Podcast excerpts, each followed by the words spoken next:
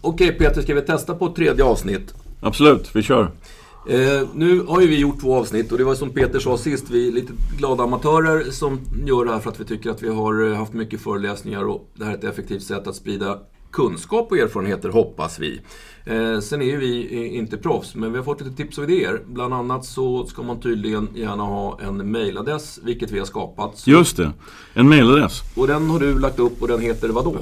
Eh, ja, alltså, eh, jag, jag, jag, det bästa namnet är redan snott. Alltså. Det finns en glad skåning som eh, har en eh, lite rolig podd. Den mailadressen heter helst bara positiv kritik at gmail.com. Men den är tagen då, så vi kan inte hålla på och skoja med det. Så att mailadressen är jakthundarojakt at gmail.com. Perfekt. Så att där ser vi jättegärna att folk eh, frågar och eh, kommer med kommentarer, synpunkter, eh, positiva och negativa. Men framförallt frågor som vi kan ta upp i programmet framöver. Vi fick ett tips till. Man ska, ge någon, någon, man ska inleda med någon typ av, av agenda. Eh, eller prata lite grann om, eller berätta vad vi tänker prata om. Och idag tänkte vi faktiskt prata, vad sa vi sist Peter? Vi slutade med att vi skulle, vi lovade eftersök. Ja, lite eftersöksprat blir det. Så det kör vi. Och sen så har vi också fått frågor, eh, det gillar vi. Och vi har fått frågor om halsinfektioner hos hundar, eh, jakthundar. Så det kommer jag att prata lite grann om. Hängnträning är nästa punkt på agendan. Och idag kan vi träna hundar både på vildsvin och älg och björn i hägn. Och, och Peter som till och med har varit instruktör på, på hägn eh, kan en del om det där och ska få berätta lite om för och nackdelar med hängträning. Det är kul med en sån här agenda eftersom vi förmodligen kommer blaja iväg här så att eh, den här agendan kanske inte alltid stämmer. Så. Men eh, vi gör ett försök, ett ärligt försök. Och vi börjar i alla fall det vi lovade sist. Eftersök Peter. Ja, och, och jag ska ju inte egentligen uttala mig eftersök eftersom jag inte är eftersöksjägare. Men det har ju blivit så genom åren då att man har att man har löshundar som, som påfallande ofta hjälper till under eftersök. Och då snackar vi löshundar, släpphundar alltså. Eftersom jag, vi jagar så pass mycket vildsvin.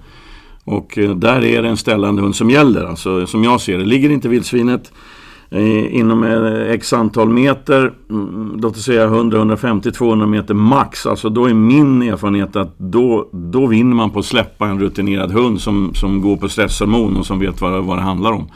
Ehm, men rådet när det gäller eftersök, som jag ser det, det är ju att alltid, alltid, alltid se till att ha ett telefonnummer till en eller ett par rutinerade eftersöksjägare. Ehm, det är för mycket strul med folk som tror att allt är lugnt bara för att jag har en hund i bilen. Ehm, den hunden, är inte hunden tungt tränad alltså eh, på det här arbetet? För det här är ju ett yrke. Att vara eftersöksjägare är ett yrke kan man säga, som jag ser det. Och att vara eftersökshund, spårhund eller släpphund, det är också ett yrke. Det är ingenting som man tar ur hatten liksom och plockar en hund i bilen som gladeligen sticker iväg. Eh, det är för många gånger jag varit med om att man, att man eh, inte genomför ett eftersök därför att man har för dåliga kunskaper. Både, både personen och hunden. Eh, sen finns det några tips alltså. Ska man börja med eftersök, vill man lära sig mer om eftersök, då finns det ett antal ruggigt duktiga eftersöksjägare i det här landet som har kurser. Alltså går man inte en kurs och lär sig saker som till exempel handspårning ehm, då ska man egentligen inte utge sig för eftersöksjägare som jag ser det. Och handspårning, det låter ju larvigt, vi har ju hundar till det där. Ja, men alltså den mest rutinerade eftersöksjägare jag känner säger ju att man kan aldrig lita på hunden. Det är ju intressant eftersom det heter ju man ska alltid lita på hunden. Eh, men den här mannen, den gode Bula Kristoffersson säger att man kan inte alltid lita på hunden. Man måste också kunna läsa spår själv. Ehm, och det, här, det, det, det tar lång tid att kunna alltså. Så att se till, det, rådet när det gäller eftersök är Se till att ha kontakt med folk som kan det här med eftersök. För det, det, mm, min erfarenhet, det ligger för mycket vilt i skogarna som eh, man har konstaterat bom på. Eh, och det här är ju ruggigt allvarligt och, och eh, jag låter ju stöddig när jag säger det kanske. Men, men man måste skärpa sig helt enkelt när det gäller påskjutet vilt. Och där har vi precis samma uppfattning. Och, och jag är ju faktiskt tillhör de som har gått kurs hos eh, Bula. Nu är jag absolut ingen eftersöksjägare för att jag har gått en kurs. Men jag försöker ha någon hund som jag regelbundet tränar på spår. Eh, och, och, kan ta de här enkla dösöken eller bra ja, påskjutna djur som ändå har en bra träff. Men det gör ju inte att min hund är en eftersökshund. Hon klarar av de enklaste grejerna och, och det funkar ju många gånger. Men precis som du säger, det finns jag har gått på för mycket eftersök där, där skytten är helt säker på att det här är en bom och sen har man gått några hundra meter och hittat en tarmskjuten hjort eller någonting annat. Va? Så att det, det, vi, vi ska ta det på allvar. En hund, en jakthund, är inte samma sak som en eftersökshund och det måste man inse. Och vill man ha en hund som funkar bra på eftersök, då måste man regelbundet spårträna och gå gärna kurs. Eh, för det är svårt. Och det som, man, som var kul med, med Bulas kurs, det var precis det du beskriver. att eh, man får lära sig att läsa spår. Vad betyder en, ett blodstänk som ser ut sådär? Titta hur bloddropparna har fallit. Vad är det för typ av vävnad man ser? För att få lite bättre uppfattning om vad det är man ger sig in på. Och då kanske man redan där kan konstatera att det här blir för svårt. Här behöver jag ett proffsekipage. För de finns att få tag på. Ja, jag var med om ett försök en gång eh, till slut. Det var en påskjutet vildsvin på en åtel. Vinter, en bloddroppe. Eh, spårade en liten bit, eh, förstod inte vad som hade hänt. Eh, ringde in en kompis med en riktigt, riktigt duktig lajka. Eh, fyra timmar tog det typ nio ståndplatser och när vi väl sköt den där grisen så upptäckte vi att kulan hade snuddat underläppen. Det var den enda skadan. Ja. Men, men du kan inte ana hur, hur, många teorier vi hade under de här fyra timmarna. Mm. Alltså det var ju, ja, vi hade hundra fel allihop, vi var tre man. Där kan jag lägga till också, ska man gå ett eftersök och har en tränad hund och så, så, så, så, är man inte fruktansvärt duktig, som några få i landet är, så vinner man på att vara två, två stycken. Oh. Um, och det, då, det handlar inte bara om det här med att det är en som går med bössa och en som sköter hunden, utan, utan är man två stycken så kan man samtala om det som händer. För två intresserade um, hundförare um, lär sig fan så mycket mer än en ensam som går i mörkret och snubblar och gör sig illa på knäna. Oh. Ja, men det är så. Och, och, som du sa förut, vi är lite för slarviga på många håll och kanter med det här med eftersök. Och det, det kan vi inte vara. Det, det, det, här är, det måste tas på allvar. Och det är lite roligt med Bula, du säger att han, han har sagt att man ska inte lita på hunden. Han säger också att man inte ska lita på skytten. Och det, ja, men, då undrar man vem ska man lita på? Men, men alltså, det är ju faktiskt så. Adrenalin, eh, en, en snabb situation. Det är också många gånger jag har varit ute på eftersök där skytten har gett en helt annan beskrivning av, av än det som sen faktiskt visade sig hade hänt. Va? Så att, eh, ja, nej, men alltså, jag var ute bara för ett par veckor sedan. Då var det en, en, en mindre brungris som visade sig vara en, en väldigt arg sugga på präktigt över 120 kilo. Ja. Eh, men, men och då kan man stoppa in det här med mörkerhjälpmedel för den var skjuten med en hjälp av en termisk kikarsikte. Ja. Eh, och killen trodde att det var en mindre gris. Mm. Därför att den hade stått snett. Mm. Den stod i vinkel den här grisen. Men det ser man inte med termisk teknik. Det är bara liksom, man ser en kropp. Du ser inte avstånd, vinklar eller någonting. Mm. Så han trodde att han skjutit på någonting som vägde 50 kilo som visade sig väga minst det dubbla. Mm. Om man hade sett hela bredsidan.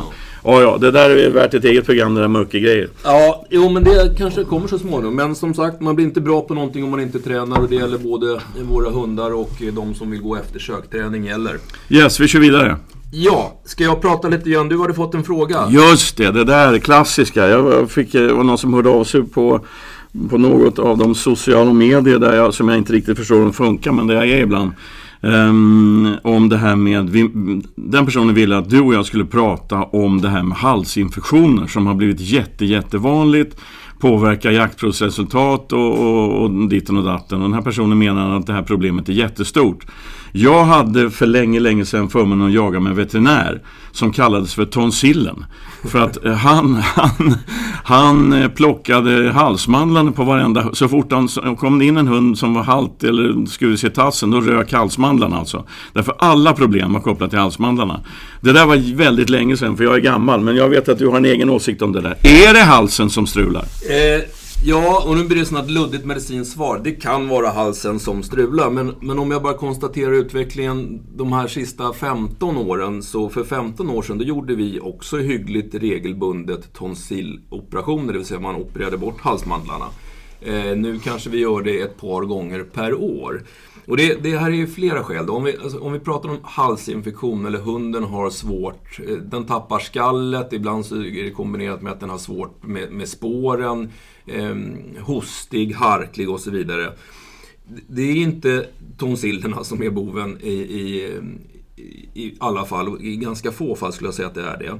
För det är två saker som man ska ha koll på. Det ena är ju att tonsillerna, eller halsmandlarna som sitter långt bak i svalget, de kan bli inflammerade, de kan bli irriterade, men i många fall så är de inte grundproblemet. Utan att, eh, framförallt när det gäller unga hundar, så, så visar det att de kan ha sura uppstötningar eh, och, och eh, då kommer det upp en massa saltsyra i, i svalget som, som skapar inflammationen. Så att, att grundproblemet är alltså inte halsmandlarna utan att, att hunden har mag, magproblem.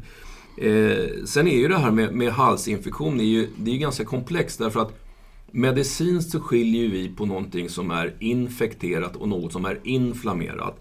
En inflammation det får man av en onormal retning eller en skada. Eh, om jag stukar foten så blir den svullen, den är inte infekterad, den är inflammerad. Om jag tar min jaktkniv och drar lite försiktigt på huden på armen så kommer jag få ett rött, lite upphöjt streck. Huden har, eller kroppens immunförsvar har reagerat på en onormal retning. Det har blivit en inflammation.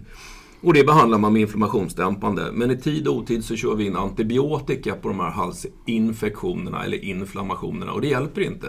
För det, det finns ju faktiskt också infektioner av virus och som de flesta vet så finns det ingen antibiotika som hjälper mot virus. Så det här med att ösa i hunden antibiotika tid och otid, det är ganska få av fallen som det faktiskt har någon effekt.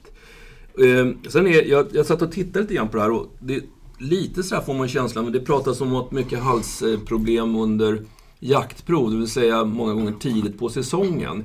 Jag vet inte om det finns någon bärighet för det här, men, men när jag var ung och gick på, på fotboll så, så alltså, det var ju lite häftigt när man kom till skolan dagen efter och var väldigt hes för att man hade skrikit sig hes. Det är alltså en, en onormal belastning, en onormal retning på svalget, eh, stämbanden och så vidare. Det kan nog skapa en inflammation och en irritation att, att en otränad hund som går ut och skäller en förfärlig massa inte är riktigt preppad kanske i början på säsongen, så det behöver inte vara värre än så. Eh, sen är det ju Sen finns det ju, det finns ju flera orsaker. Alltså man kan ju få infektioner i svalget. Det kan sitta främmande föremål, man kan ha dragit in någon liten pinne som sitter bak i svalget och skapar inflammation. Men, men budskapet egentligen, om man har halsproblem, det man behöver göra är att man behöver ha eh, en veterinär som går ner och tittar i svalget, möjligen tar ett bakterieprov, vilket inte alltid heller är helt rättvisande därför att det finns alltid bakterier i munnen. Men, men som man bedömer, sitter infektionen, inflammationen i svalget, sitter det i stämbanden och så vidare. Och sen så får man liksom hantera utifrån det. En intressant studie, som, eller en undersökning från 2008 visar dessutom att feta hundar, tjocka hundar, har större problem med halsinflammationer än, än eh, icke feta. Och det är väl säkert som så att det blir trängre ner i svalg och det blir trängre ner i, i luftstrupen på grund av fettman och då får man också en, en onormal retning. Det här var inte roligt tycker jag att höra för att det här betyder ju att det är sjukt komplicerat. Alltså kan ju ha hundra orsaker. Ja, det, det, är det, men alltså, det är svårt att utreda. I de allra flesta fall så räcker faktiskt antiinflammatorisk medicin. Alternativt, alltså man till och med går på med kortison. Eh, men, men det är inte lätt därför att, och, och, jag vet ju ganska många som har de här problemen. Och så man, de tar det lugnt, de är antiinflammatoriskt, låter svalget, stämbanden vila och sen blir det bra. Eh, så att, så att eh, det är nog en sån här sjukdom. Det är väldigt intressant är att det här är ett, ett skandinaviskt fenomen. När man läser på internationell litteratur så har man, de här problemen beskrivs knappt ute i Europa eller ute i världen utan det är vi här uppe i Norden som har problemen. Då kan man ju börja fundera på, finns det någon klimatpåverkan i det här också? Jag har ingen aning. Men, mm. men eh, det är alltså inte ett stort problem internationellt sett utan det är ett skandinaviskt problem. Men, men ja, jag vet inte men, men, eh, men eh, det här med jaktprov och, och sånt, va? hundarna testas och, och det kan, då kan de ha halsproblem och så vidare. Det, det är så många komponenter i det här. Det är så mycket liksom. Eh, och när det gäller jaktprov är det ju så att man har ju höga förväntningar. Man, man förbereder hunden och man håller på att träna den och testar och ger den alla möjligheter att få så mycket rutin som möjligt. Så går man till jaktprov. Då ska allting stämma. Vittringsförhållanden, halsmandlarna på rätt ställe, inga sura uppstötningar, rätt djur ska hittas. Eh, ja, du vet. Så att eh, det är klart att det, jag tror också att det är ganska lätt att hitta någonting att skylla på. Och, och det är klart. Eh, Eh, om hunden verkar inte funka, det var ju som vi pratade om förra gången. Eh, eh då, då börjar man skrika om noskvalster eller halsinfektioner eller någonting annat när det bara är en riktigt jävla dålig dag. Ja, nej men det, det är ju det, det, finns ett antal, jag har haft ett antal hundar. Jag har haft en koppo som jag har jobbat med länge.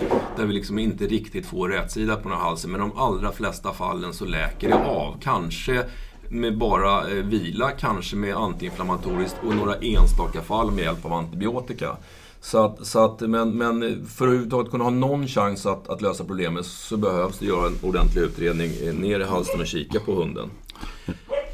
Um, yes, jag tror inte man, man kommer tyvärr inte så mycket längre i frågan utan uh, det saknas, det saknas uh, riktigt bra forskning därför att det är ett ganska isolerat problem här uppe. Men vi kan, ta, vi kan hoppa till, nu när vi pratar om, om eh, lite träning och, och, jaktprov och så vidare, så, så jag får lite frågor och funderingar ibland med, kring det här med häng. Vi har nuddat vid det tidigare, men du har ju till och med, som jag sa, haft kurser och varit instruktör i vildsvinshäng. Men nu finns det ju häng för björnträning och älgträning och så vidare. Vad anser du om det här med att köra in hunden och träna dem i häng? Ja, alltså det, det, det finns ju många fördelar. Alltså det handlar ju om man kan kalla det för prägling och, och, förberedande träning på ett visst viltslag och så vidare. Så är det. Men jag tror att man får inte glömma bort att hägn är hägn. Alltså det, det, det vilt vi har i hägn att träna på, det är vilt som är uppfött i hägn. Eh, jag tror visserligen att vildsvin luktar likadant i hägn som i skogen, men, men eh, men det är staket alltså. Det är staket och ju, mer, ju fler hundar som de här, det här viltet träffar på, desto mer rutin. Vilt är ju inte dumma alltså. De lär sig hur de ska komma undan. De lär sig speciella beteenden som, eh, som de kan, man kanske inte möter så mycket i skogen. Men framförallt så, jag har ett bra exempel och det är att jag var uppe på Roslagens jakt och vilt eh, för inte så länge sedan och hade en kurs. Vi hade hundarna i bilen som vanligt. Och en av de duktiga instruktörerna där eh, sa, får jag testa orka, min jämte alltså. Eh, mot, på björnarna. Ja, visst, varsågod. Jag körde vidare på kursen och jag hörde att hon skällde där borta i, i björnhägnet på de här tre björnarna. Och så kom han ut och så sa han, det här är, hon är riktigt duktig sa han. Alltså, hon är riktigt, hon öser på, hon retar björnarna, det blir utfall, hon liksom backar inte och sådär. Men jag känner min jämthund. Hon är sex år gammal och tungt rutinerad. Och då frågade han honom, hur började det då? Ja, det började med att hon, hon, hon, hon liksom skällde några skall på dem. Sen tog hon en snabb repa runt den här follan i hängnet där björnarna är då, när man tränar på dem. Eh, och sen satte, satte hon igång och ösa alltså i 45 minuter oavbruten skallgivning på de här björnarna. Eh, jag tror att hon, hon kollade, hon vet att det är staket. Hon vet att det är Gunnebo, hon vet att det är fem eltrådar. Hon är inte dum den här jämthunden. Så att visst, alltså chansen finns ju att hon, att, hon, att hon kommer att markera björn i det fria. Det har hon gjort, så det vet jag ju. Men, men att hon är en björnhund, alltså att hon kommer jobba på samma sätt med björnar i det fria. Det är ytterst, ytterst tveksamt. Och då menar inte jag att hägn är dåligt på något sätt. Men man, jag tror att man ska vara medveten om att det faktiskt är hägn. Och att det är, det är inte tam, tama djur vi tränar på i hägn, men, men de är uppfödda i hägn. Mm. Ehm, det fanns en kille för massa år sedan jag träffade som sa att han hade en hund som han hade jagat in i vildsvinshägn. Alltså hela injagningen hade skett där. Mm. Sen träffade de ett antal år senare och han sa att eh, den hunden eh, blev inte så himla bra i skogen. Nej. Och nummer ett, den hade ju ingen sök. Den hade ju noll sök. Nej, Därför att husse hade ju varit inne och stått bredvid de här i början enkla vildsvinen och sagt du är duktig du, kom igen nu. Mm. Eh, då plockar man ju bort, alltså hunden lär sig att jag vill skälla vildsvin, bästa sättet är att sitta i fickan på husse för han springer och letar reda på dem. Eh, så att jag, jag tycker att man ska ta reda på man ska lita på instruktörerna och instruktörerna måste skärpa sig. Det handlar inte om att få eh, för många instruktörer hjälper till att hitta vildsvinet. En ung hund ska testas på vildsvin. Så går man runt i ett hägn och hittar vildsvinet åt hunden. Um, och sen så börjar hunden skälla tveksamt. Då tjoar man och säger du är duktig, du kom igen. Och så, det finns till och med de, alltså det här låter ju inte klokt, men jag vet att det finns de som, som börjar skälla. Människorna börjar skälla alltså, för att få igång hunden. Då står två personer, instruktören hundförare, och skäller som idioter på, på några 50 kilos grisar. Eh, brunfärgade grisar. Och så står hunden och tittar sig omkring och tänker vad fan är det som händer? Jag menar, det är en kul lek för hunden och den kommer säkert börja skälla då. Men det betyder inte att den kommer skälla på... Så att ge, ska man börjar med en ung hund i häng, oavsett viltslag alltså. Så tycker jag att man, man har tändare i fickan. Man går längs staketet, får vind av hängnet, släpper hunden och sen agerar man precis som om ingenting har hänt. Man ska inte vara orolig och man ska inte mana hunden och ingenting. Utan målet med en löshund är att den självständigt ska hitta vilt. Mm. Och har man då en 12 månaders hund, man får ju släppa häng, i hängnaderna med 12 månader. Jag sticker in en fråga där. Ja. Man får släppa dem med 12 månader. Vad anser du är lämpligt? Ja, alltså jag tycker det, handlar inte så mycket om ålder, det handlar om hundens mognad. Mm. Och ett bra sätt att kolla mognaden det är att åka till, en, till ett häng med en, med en ung hund och bara göra som jag säger, lalla in i hängnet bara, gå rätt i vind, släpp hunden och stirra inte på den och, och mana den inte och liksom visa ingenting särskilt. Men tanken är att hunden självständigt ska söka upp viltet och det klarar en 12 månaders hund alltså. För att jag menar, de har ju en näsa som slår allting. En, hund, en ung hund kan ju liksom hitta en hitta en, eh, en, en köttbulle som ligger under en hög dynga. Mm. Så att näsan funkar ju. Mm. Men om den unga hunden då inte, den försvinner en stund och kommer tillbaka och låtsas som ingenting och så gör sådana här överslagshandlingar, kissar mycket och rullar och låtsas som ingenting typ. Ja men då får man koppla, gå ut och gå tillba åka tillbaka om tre månader. Det är ingen idé att rusa in och säga ös på nu för fan till hunden alltså. För då lär den sig inte löshundens jobb som handlar om att självständigt resa och jaga vilt. Eh, nej men, det, ja, men jag har ju faktiskt gått i häng med mina hundar tillsammans med dig och det, jag, jag tycker att det finns klara fördelar också. Menar, man, man, introducerar dem för, i mitt fall då framförallt vildsvin och de förstår att vildsvinen, även om de är hägnade, de kanske är lite tröttare men de gör utfall, de lär sig att det här är ett vilt som man inte kan hantera hur som helst. Men, men eh, jag håller med dig, alltså det här med eh, för många år sedan när hägnet var en ganska ny företeelse så, så var jag på en jakt där det skulle komma ner en kille som hade diplomerade hundar. De var mm. diplomerade i häng. Eh, det var nog några av de sämsta vildsvinshundar jag jagat med. Alltså, de, de hade bara jagat Men alltså det, det, det, är så många komponenter i det här. Jag var, eh, jag var i ett älghäng och, och, bara för att kolla med en kompis till mig som jag jagar mycket med har en jämthundshane som är fruktansvärt bra älghund. Mm. Alltså den är, den, den, har liksom, den är rätt avlad kan man säga. Mm. Får stå på skenälgar och stå i tio timmar och allt det där. Den är skitbra. Och så släppte vi den för första gången i, i ett älghägn. du vet, man matar in älgarna i en folla mitt i hägnet och så släpper man hunden. Och alltså, hade inte jag vetat om hur bra den här hunden är i fria skogen så hade jag tänkt fan det är ingen vidare tryck i den här hunden alltså. Och du, du har ju sett orka i häng. Ja, ja. Och jagar på ett helt annat sätt ja. ute. Därför den jämthunden är till 100% injagad i skogen. Ja. Och alltså, jag menar nu inte att baktala häng för det finns massor med fördelar på häng. Du kan reparera rädsla hos en hund som, som har blivit skrämd och det handlar om prägling av unga hundar. Så det, mass, ös på i häng. Men inse att det är häng. Och det tror jag är en bra sammanfattning. Det, det är bra träning, men den är fortfarande artificiell om man jämför med det fria livet ute i skogen. Yes, hör vi något konstigt här nu så är det min valp som håller på och brottas med en piassava-kvast på Förstebron här. Eh, och där har vi nästa grej då. Den, eh, som handlar om det här med mognad. Va? Jag har en jämthundsvalp som är drygt fyra månader gammal. Hon är stor i kroppen, fruktansvärt snabb, hoppar två meter upp i luften och, och är väldigt skogsvan. Hon har ingen aning om varför hon finns till. Nej. Alltså det, det, det, hon är så valpig så att det är ett skämt. Och då får hon brottas med en piassavakvast och sen så när vi är klara här så släpper jag orka så jagar vi gris. Mm. Jag menar det, det hon gör med piassavakvasten, tror eller ej, det är jaktträning. Ja. Alltså hon blir vig, hon blir snabb. Hon, det blir, alltså, visserligen är det inte bra att hon äter träflisor men, men, eh, men alltså, att brotta ner en piassavakvast som trilskas det är ganska bra jobbat för en fyra månaders valp. Eh, då har jag faktiskt en liten avslutning. Det var inte med på agendan men, men eh, vi är lite inne på det här med, med både med hägn och nu med PSA-kvasten, prägling. Eh, vi, vi, du och jag har ju hundar som vi har valt att eh, fokusera på vildsvin. Och det kan ju, behöver inte vara vildsvin, man kan ha, när vi pratar om rådjursrena eh, stövare och så vidare. Vi vill ha hundar som, som fokuserar på ett vilt. Eh, och min gråvaktel då som har hälften vaktel i sig, hon, hon eh, är naturligtvis, eh, har ju gener som jagar det mesta som rör sig. Men, men jag har ju valt att, att foka på gris. Eh, och nu är hon ju i princip grisren. Eh, sen har nej, nej, hon är inte grisren. Hon Nej, är, hon precis. Är gris, tvärtom. Hon ja. fokuserar på gris. Eh, yes. Hon väljer att eh, plocka grisar. Men det finns ett viltslag till som hon väldigt gärna tar och det är hare. De kan hon inte låta bli. Och nu har jag en, en fundering, högst eh, personlig reflektion. Vi bor i ett område där vi har förfärligt mycket harar runt omkring.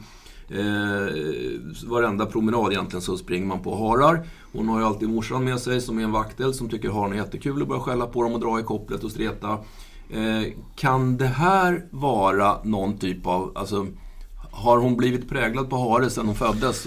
Eftersom det är det enda hon plockar Ja, ja det är helt klart att det är så. Dessutom har ju du säkert hjälpt till med den präglingen. Eh, jag kan dra ett exempel. Min valp här, alltså fyra månaders jämten. Hon, eh, hon, hon, hon tuggar ju på allt och plockar upp allting. Eh, och de flesta som har valpar som tar någonting i munnen då springer man fram och säger du får inte äta det där för det är farligt, vi vill inte betala pengar till veterinären. Eh, då börjar valpen leka. För springer man mot en valp som har en bra valp som har tagit någon murbruk eller någon jävla eh, cigarettfimp eller något skit i munnen. Då börjar valpen leka. Sen har man ett problem resten av den, hela valptiden. För valpen kommer leta efter grejer att ha i mun. För då vet de att nu brakar husse igång här. Eh, och, och, det tror jag har hänt med dina harar. För jag tror att du har sagt nej, lägg av nu för fan och ryckt den här gråvakten bakåt när hon ska efter haran i kopplet. Det, det, har, det triggar henne.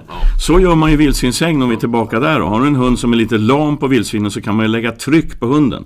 Man har lina på hunden och när hunden ser vildsvinet då lägger man lite tryck bakåt.